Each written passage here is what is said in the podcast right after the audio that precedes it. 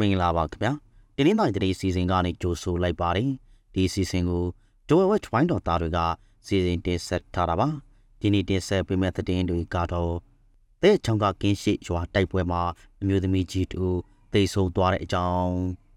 ကော့တောင်စုငယ်ဘလိုက်ရွာမှာစစ်ကောင်စီတပ်သားအများအပြားတက်လာဆွဲတဲ့အခြေအနေကလီအောင်ခြေဆိုင်430စစ်ကောင်စီခြေမြန်တိုင်းကိုဒရုန်းနဲ့ပို့ချတိုက်ခိုက်ခဲ့တဲ့အကြောင်း ရန်ကုန်ကအောင်မင်္ဂလာအဝေးပြေးကွင်းမိလောင်မှုမှာတနင်္သာရီတိုက်ပွဲပြေးဆွဲနေတဲ့ကားဂိတ်ချိုမိလောင်သွားတဲ့အကြောင်း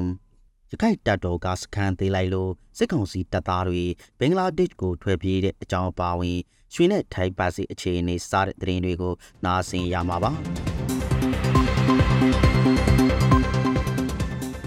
တဲချောင်းမျိုးနဲ့ကိရှိရွာတိုက်ပွဲမှာအသက်60အရွယ်အမျိုးသမီးတူသိဆုံးသွားပါတယ်။ စစ်ကောင်စီတပ်နဲ့ပြည်သူ့ကာကွယ်ရေးတပ်ဖွဲ့တို့ကိရှိရွာထဲမှာမနေ့ကတိုက်ပွဲဖြစ်ပွားခဲ့တာပါ။စစ်ကောင်စီတပ်သားတွေကကိရှိရွာစာတင်ချောင်းကိုဝင်ရောက်လာပြီးနောက်နေတွေကိုတေတက်ဆင်းရှာဖွေစစ်ဆေးခဲ့တယ်လို့ဆိုပါတယ်။ဒီလိုစစ်ဆေးနေချိန်ပြည်သူ့ကာကွယ်ရေးတပ်ကဝင်ရောက်ပစ်ခတ်လို့တိုက်ပွဲဖြစ်ပွားခဲ့တယ်လို့ဆိုပါတယ်။တိုက်ပွဲဖြစ်လာတဲ့အတွက်တကြီးရွယ်ဦးနဲ့ကလေးပါမချရွှာလို့ကြော့ထွက်ပြေးခဲ့ရတယ်လို့ဆိုပါတယ်။ တိုက်ပွဲဖြစ်နေခြင်းအသက်60လောက်ရှိတဲ့ဒေါ်ရှင်အေးဟာနေနားမှာဝင်နေချေလက်နက်ကြီးထိစထိမှန်ပြီးသေဆုံးသွားတယ်လို့ဆိုပါတယ်။ကော်သားမျိုးနဲ့စုငယ်ဘရိုက်ရှိတာဝါတိုင်းတောင်ပေါ်မှာစစ်ကောင်စီတပ်သားတွေတက်လာဆွေပြီးတပ်စခန်းဆောက်ဖို့အတွက်ဒေသခံတွေကိုတေဝါတွေတဲခိုင်းခဲ့ပါတယ်။ဖေဖော်ဝါရီလတရက်နေ့ကစစ်ကောင်စီတပ်သား80လောက်ဟာစုငယ်ဘရိုက်ကြီးဝအိုစုဘာလီအော်ရွာကိုကားတွေနဲ့ရောက်လာခဲ့တာလို့ဆိုပါတယ်။ အဲဒီနောက်တာဝါတိုက်ရှိတဲ့တောင်ပေါ်မှာစစ်စခန်းဆောက်ဖို့အတွက်တေတယောက်နှုတ်ခေါ်ပြီးစခန်းဆောက်ဖို့တိုင်တွေတစ်တွေနဲ့ဝါးတွေကိုတက်ခိုင်းခဲ့တာလို့ဆိုပါတယ်။အရင်ကအဲ့ဒီတာဝါတိုက်တောင်ပေါ်မှာစစ်ကောင်စီတပ်အဆောင်စစ်သားနည်းနည်းပဲရှိခဲ့တာပါ။တင်းနေတာတိုက်တွင်းနေရအနှံ့တိုက်ပွဲပြင်းထန်လာချိန်အဲ့ဒီဒေသတလျှောက်ရှိပင်လယ်ကမ်းစပ်ရွာချိုမှာစစ်ကောင်စီတပ်ကတာလာဆွဲနေတာလို့ဒေသခံတွေကပြောပါတယ်။ပါလီအော်ရွာမှာ HA 300လောက်ရှိပြီး ပင်လယ်ကမ်းခြေမှာတည်ရှိတဲ့ရွာတွေရွာဖြစ်ပါတယ်။ရှေးပြမျိုးနဲ့ကလီအောင်မျိုးတောက်ရှရွာခြေဆိုင်အမှတ်430စစ်ကောင်စီချင်းမြန်တိုင်းကို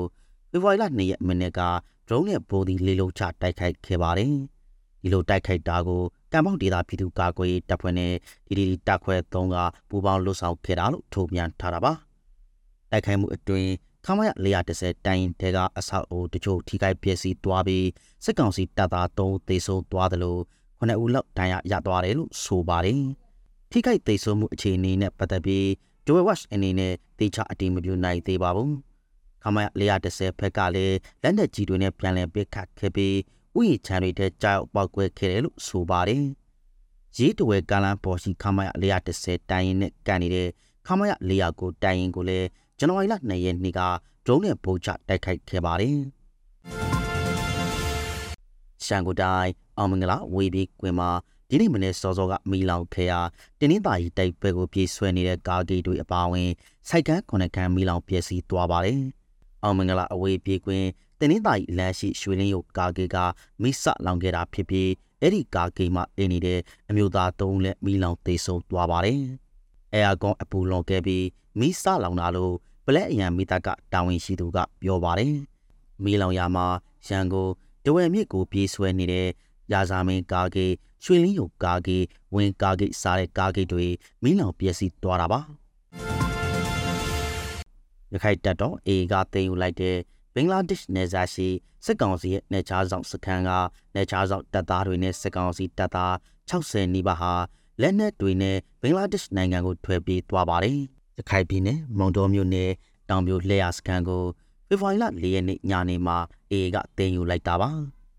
စခန်းသေးတိုက်ပွဲအတွင်းစစ်ကောင်စီတပ်သားအလောင်းတွေနဲ့လက်နက်ခရံအမြောက်အများသိမ်းဆီရမိခဲ့တယ်လို့ A ကထုတ်ပြန်ထားပါတယ်။ A ဘက်ကလည်းတပ်ဖွဲ့ဝင်အချို့သေဆုံးခဲ့တယ်လို့ဆိုပါတယ်။တောင်ပြိုလျှက်ဝဲစခန်းကိုဆက်ပြီးထိုးစစ်ဆင်တိုက်ခိုက်နေတယ်လို့ဆိုပါတယ်။ချင်းပြည်နယ် ဘလဝမြို့နယ်ကတိုက်ပွဲတွေမှာလည်းစစ်ကောင်စီတပ်ဖွဲ့ဝင်ရာချီအိန္ဒိယနိုင်ငံကိုထွက်ပြေးခဲ့ပါတယ်။နောက်ဆုံးတပုတ်အနေနဲ့ရွှေနဲ့ဗတ်စီအတက်ကြအခြေအနေကိုပြောပြသွားပါမယ်။ဒီနေ့ရွှေဈေးဟာတခြားသားကိုကြ9000ဈေးကျသွားပါတယ်။တဝဲဈေးကွက်မှာအခောက်ရွှေတကြသားကို38သိန်းတိတိစိတ်ဖွင့်ထားတာပါပါစီလဲပြန်ကြလာပြီးမြန်မာငွေတသိန်းကို2019ဘတ်ဈေးဖွင့်ထားပါတယ် အခုလိုနားစိန်ပေးခဲ့တဲ့အတွက်ကျေးဇူးအထူးတင်ရှိပါတယ်မြန်မာနိုင်ငံသားများကန့်ပေးပေါင်းကနေအများဆုံးလွတ်မြောက်နိုင်ပါစေလို့ဂျိုဝဲဝက်ချွိုင်းတော်သားတွေကစုမော်ကောင်းတောင်းအပ်ပါတယ်ခင်ဗျာ